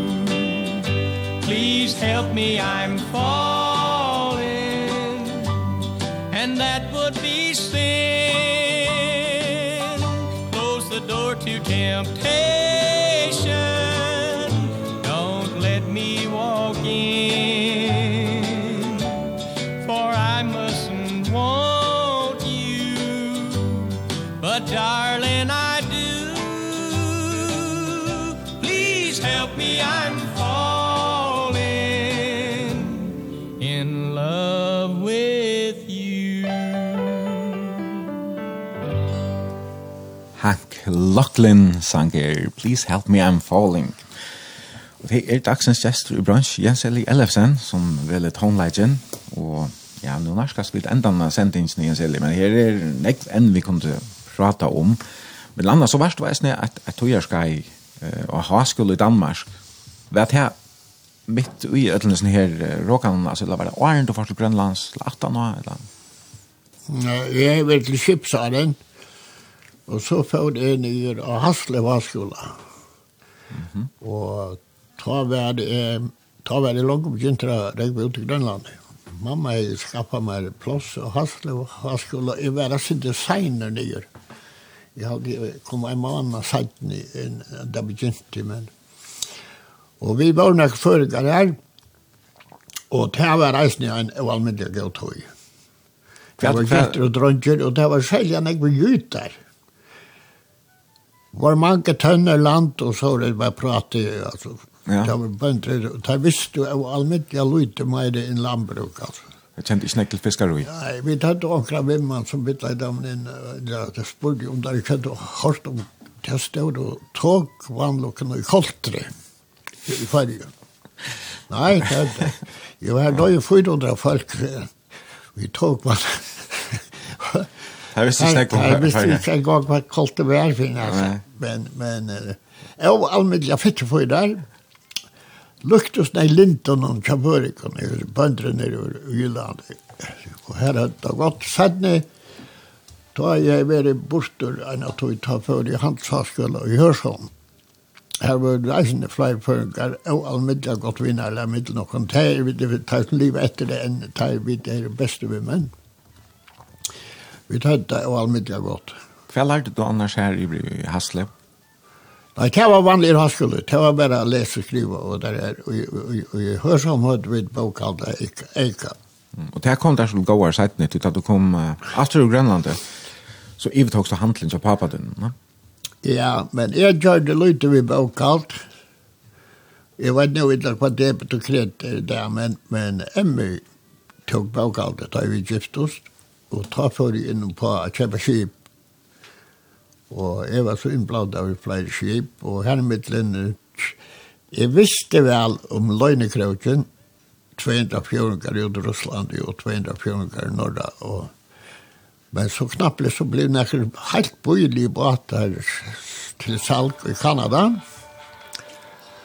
Og vi fikk så kontrakta tvær først. Kanada för upp i Løgnekrøk.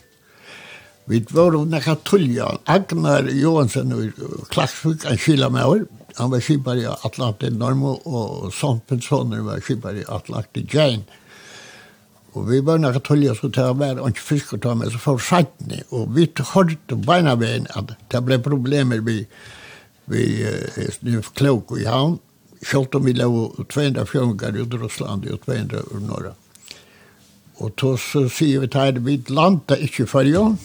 Du kunne si fra, ta det her så fra ta fiske, så skal jeg sikre for jeg vil få landingaplass i Øslandet. Og jeg kontakta jeg så akkurat som vi kjente, og så fikk vi et landingaløyv i Eskilfjerde og Støafjerde. Og Norma for Eskilfjerde og, og Jane av Støafjerde. Så kom jeg nyan og, og, og Det første som hendte, det var det at borgmesteren kom ombord ved en kurv av frukt og en vinflaske til Skibaren. Og det var det samme da vi kom og stod av Ståafjør. Og Islandar var himmels for lypter. Og så kom jeg der etter inn av kantorier av Flekkaviksen og Ståafjør. Og så sier han at det var en tosaft som tosaførest. Mm Og vi pratar så er det bare av torsk og stør og feit og tosker og, og godtfisker og, og så sier jeg, hva gjør du i Øslandi? Han arbeider for Øslandske radio. Jeg sier, helt kraft, la være med å køre ned i radio. Det var bare problemer. Nei, nei, nei, han kommer køre det. Hva annet jeg sier? Så sier jeg det at hvis Øslanda er lov hjemme av brøysene, og Øslandsk og svimer i internasjonale sjekk oppe i Bernshavn, så er ikke vuttjenga blei etter i dem. Nå, hvordan jeg kjente Øslandstosk, ikke Øslandstosk og Øslandsk konefag kjente egen. Og så sier jeg, hva sier du meg? Jeg sier, nei, nå har jeg sagt nok, jeg sier ikke meg. Og så, så, jo ble vi oppringt i hotellet, og da er det med meg, når han har begynt, så ringer Så sier han har jo hørt meg i radio, og det hadde vært almiddelig godt, men at Øslandsk konefag kunne toske eget, det tror jeg jag inte att er dumt hva det sier. Men samme gjør, og er det tutsi där jeg var fannet, ta vi og ut vid fjør til trådler fannet opp i Løgnekrøkken fra Islandet. Du har jo simpelthen, du har, du har fortalt disse hemmelighetene, nå er det ikke løgnet meg. Nei, og Og så, så sier jeg ned ved meg nesten at, at det beste var at jeg var livet av Tås i radio. Ta høyde samråd vi en råkkjøpere som var pensjonister. Og hatt er det her som tar første fiskemalerne sier. Hatt, hatt fiskefrøyene i fargen, Hatt det var pura bant. Hatt det hendt seg så ofte at toskere rundt i Russland og knapplig kom en rikvater. Hatt Og han var her, han trodde på en året for meg. Så han helt til hvert fiskemåler og herre? Nei, men jeg vet at han var stort stortlige løter. Altså, jeg sier der, da, at jeg har en liv, et så rukt liv, at uh, jeg kunne sagt jeg er mettere av døven, men jeg må leve enn jeg løter av træet. Ja, ja, det er jo urett gjøre. Det er var planer for fremme. Men det la ikke alltid kors noen at du skulle være reier, ja? Skilte jeg sånn alene, du var ikke, du varst da sånn til Jeg skal se det. Iva Samer, jeg blir. Jeg Jeg bestemmer meg slett ikke for en kjip.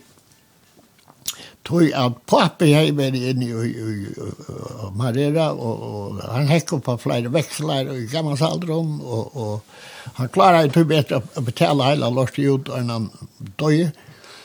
Så jeg har bestemt ikke, men så kom Bjartne Johansen, her i smien ombord. Jeg har ju köpt mig en, en utdragbat i Russland som vi gjør til.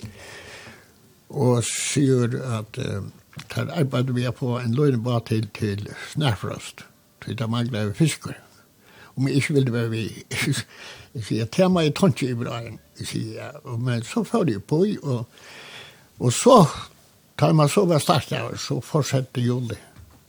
Og jeg er glad över det at, at man förde på her, jag jeg sier sidor. For det første så kom jeg resa när jag var en tryckare eller fyra nede i, i Brasilien. Arbetade med fiskeprosjekten her, og så var jeg i Costa Rica, en tvärla tryckare. og, og jeg kom å kjenne en av rikva folk, eisne, tar vi bara fiskere i mässan. Jag var utländigen. vinner, og et ett sera rukt løyp. Og gikk heima i mua i, i, i, i morra er trøyt og kobba buksen og tjekkisk og skummiskjøn. Det er jo et evigt av livet, vil jeg sagt. Nu venter vi dette til tonelagen til at tonelager har alltid fyllt nek og løvnja der, og har eisene vært å åpna dyr, og jeg vet eisene at du varst ofte utanlands og ferreist, så, så var det ofte tjøkken tonelagen at du kom i samband vi nekva sånne her falsknåna. Ja. Ja. Men tjock vi att du plattade att sätta det vid klaveri och sånt och, och hotellen och Ja, det var det var så att fiskerimässan ta blå en en en MBM motorfabrikken førgon til et kveld der av feigkrønn i Tivoli. Og vi kom inn her, og her satt ein helt fantastisk han spalte jo på flygle. Og, og her var skipar og reier i fargen, og, og, og negre av dem uh, ble nesten svekker høyre enn den moderne musikken, og det var ordentlig spalt. Så kommer en uh, bekjenning og sier vi meg, hvorfor faen setter vi, vi flygelig? Jeg sier, han kjøpt, han visste, jo. Jo. Och så får han över och tog och i nacken höst ner på den så satt och spalde. Jag var lojten, han var lattare lite. Och så smäckade jag mig i stålen. och så såg vi då i fulltrön förska sanker. Och så man ett nu ringde det ner från MVM och så till att det var där rikt och sport kvar det var om jag kunde fortsätta att spela. Så jag, häst det var bli för som, som som som jag blev stolen. Nei, det mist pianisten, nei. Jeg sier det, det var god, jeg kunne tjukka med han inne, uh, fortsette, men jeg visste tog jeg var hjem.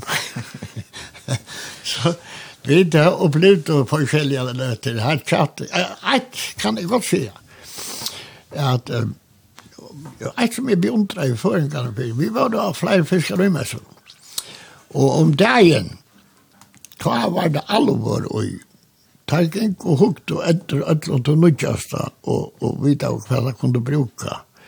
Men så var det eisne til at da i dagene var ute og kvalt, ta kunne vi til å sånne kjempelige løter, men ta gikk bestemt ikke i vår arbeid.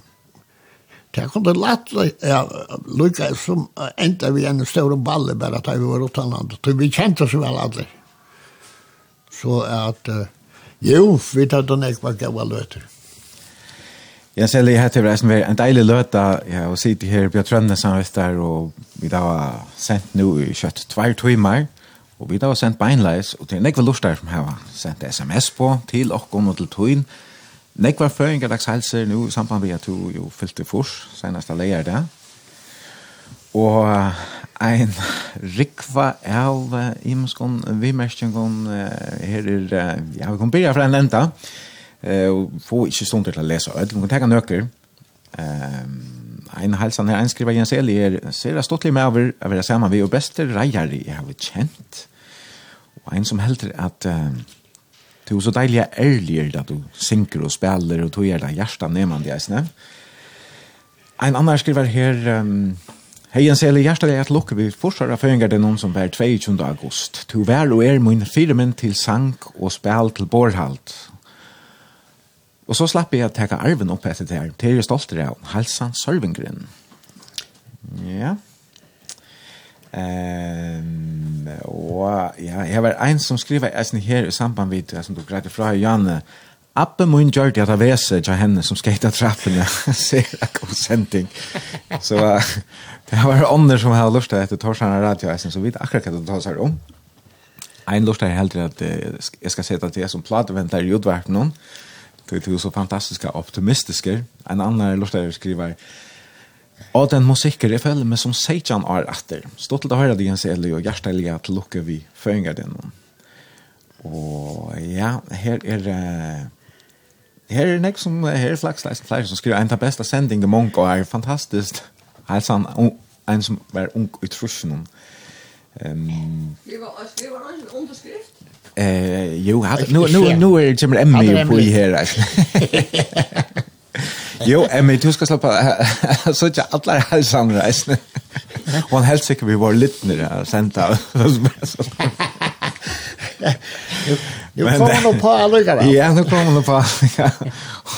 Hon sitter här och lustar efter avkomna och var äckliga friali.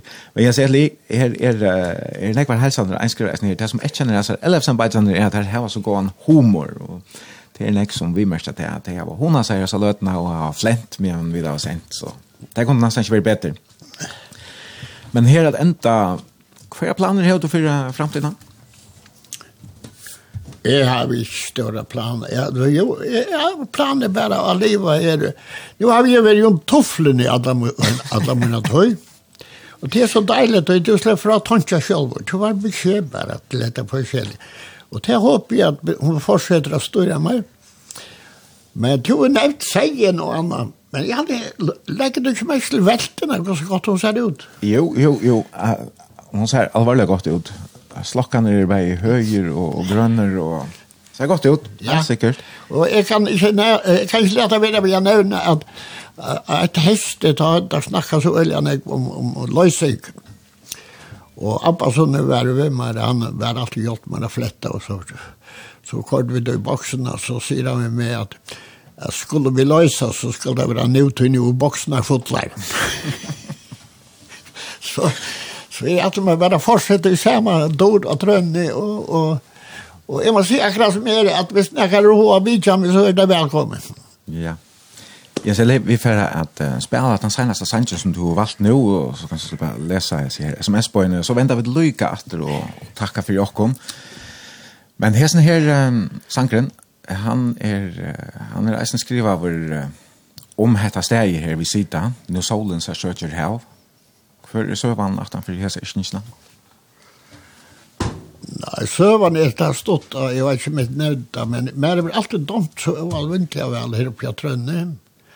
Altså, for det første så leie lenka med det inn av prestgjør, og det ble så bort i helt. Det var så langt at sånn og Samal Ababadja fikk ære heltene, og papen var eldst og Abba, han fikk hese heltene. Og Her har vi haft så almiddelig enn jeg var gøy løter. Og så kom jeg også om, om dette er strøye der av å legge bøyen inn ved spekka eller hekka. Dette er bare ikke maskiner som er lagt det inn. Dette er alt arbeid med kroppen. Og til eisen at jeg har vært i Rytvøk og vi kjappa og familien her. Jeg så ikke alle bøyen i Rytvøk som er lagt der inn ved hek.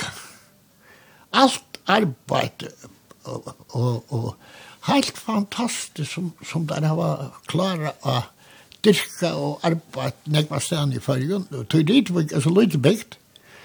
Og, og, og men er det dumt til alt det så vel at trønne tøy sett i menyer og skriva enda sanns.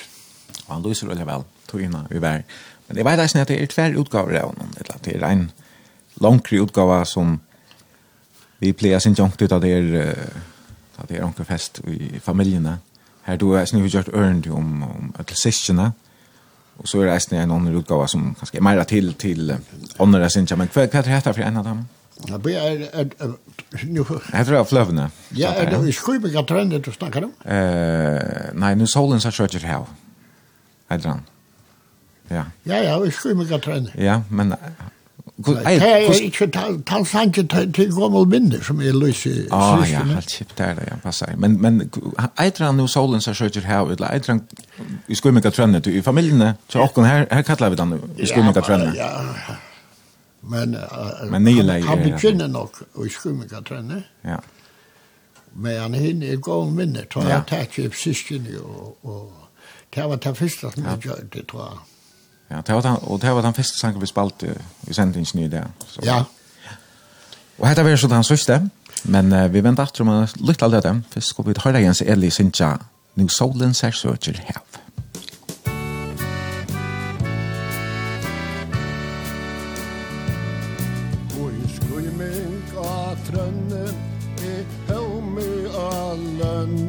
Her dantar eit av Fåglorren letor Nu solen om setor Med minnest her alt som värm Ein farre av farnare Fåttnare tøy. Jeg kjenner som folk og går attor Kjellingar og tutlar fossinum fra mean solen sær søkjør hav Skuiminga skukkar Ei helmas glukkar Me frøyur at farv og spel. Røyen av tindum og skiftande myndum ein sjøvn som er hau var er vel. Hvor tykva, hvor lov Hvort grekvante stram Ur ötlone og minnene tala Tidante fett Jeg kjenner kvart vet meg solen sær søkjør här Rite bärskar ein semkjante vær. Tøyt mark falta fogla sjau Letur ein spekve Trots værar ein tjekve Og er lagen så det ei kjenta ljau Og oppe og i dimmen noen havner enn se mor snøypan støyter og høtten Alt detta spel med minnes så vel Medan solen sær ser kjør hell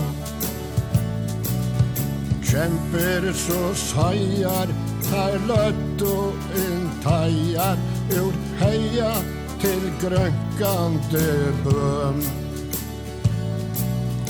Har vunnar hentur En gærur en stentur Vi kløypum fra hattun og i støm. Her stau Tær kroppner vi hekka og i hånd Tær saksa og svølt og, og grøv Traskir tar bygd og av kroppen og langt medan solen sær søkt søkte hav. Badna fløtter og i trakka var gutter så kjøtt skifte attar liv. Piltur til appa, se flotte av stappa, brottnaste stau under ljum.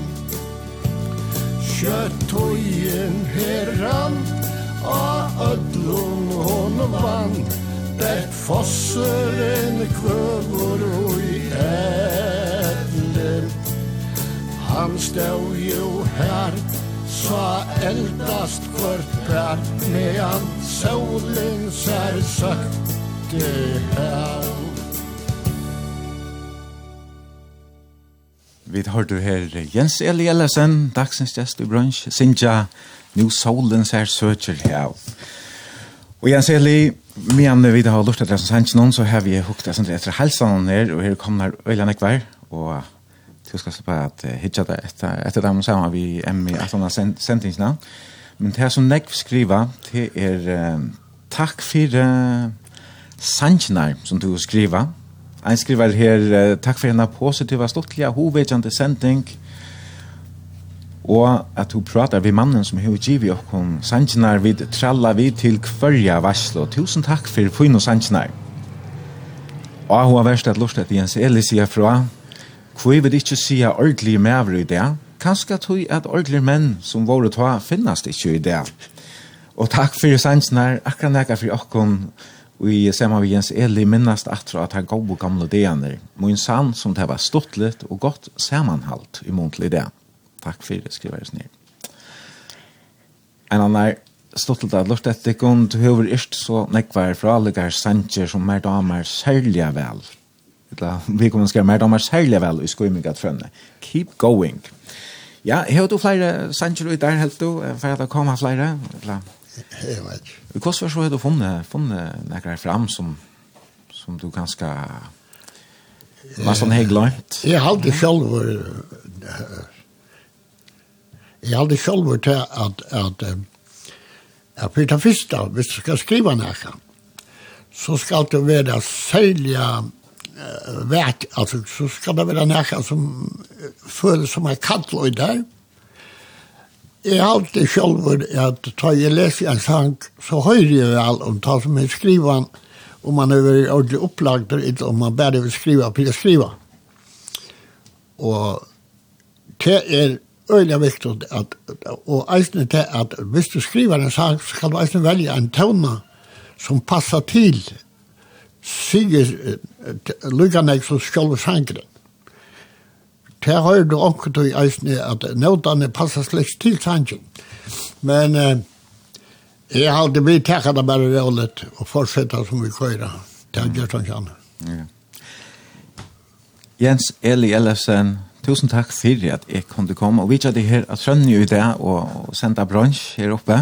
Sammen med her og Emmy. Og tusen takk for uh, kaffe kaker og vafler, Emmy, som sitter her i soffene og, og hikker etter dere. Du var, du var alltid velkommen at du tar vi for å koke her, ja, ja, det er veldig jar og prater, vet jeg, og kan jeg lykke om, om sende lykken til morgen, ta hver Emmy i fulltrunn av kassan vi, vi at, uh, ja, kan, kan skolta og, og første søgnen. Så her er massor av, av hevest i kjattleinen. Men en annan för tusen tack för det och tusen lustar jag om du hur hur hör alla sändningarna så blir hon läggt ta hemma synas jag kring vart någon satt ni i där och annars så blir det bra att snacka efter om en vecka. Tack nog i haun, mer Sør Ekholm, jeg er Eifen Jensen, og etter bare ikke til ett. eit, jeg har bare gått vikeskiftet.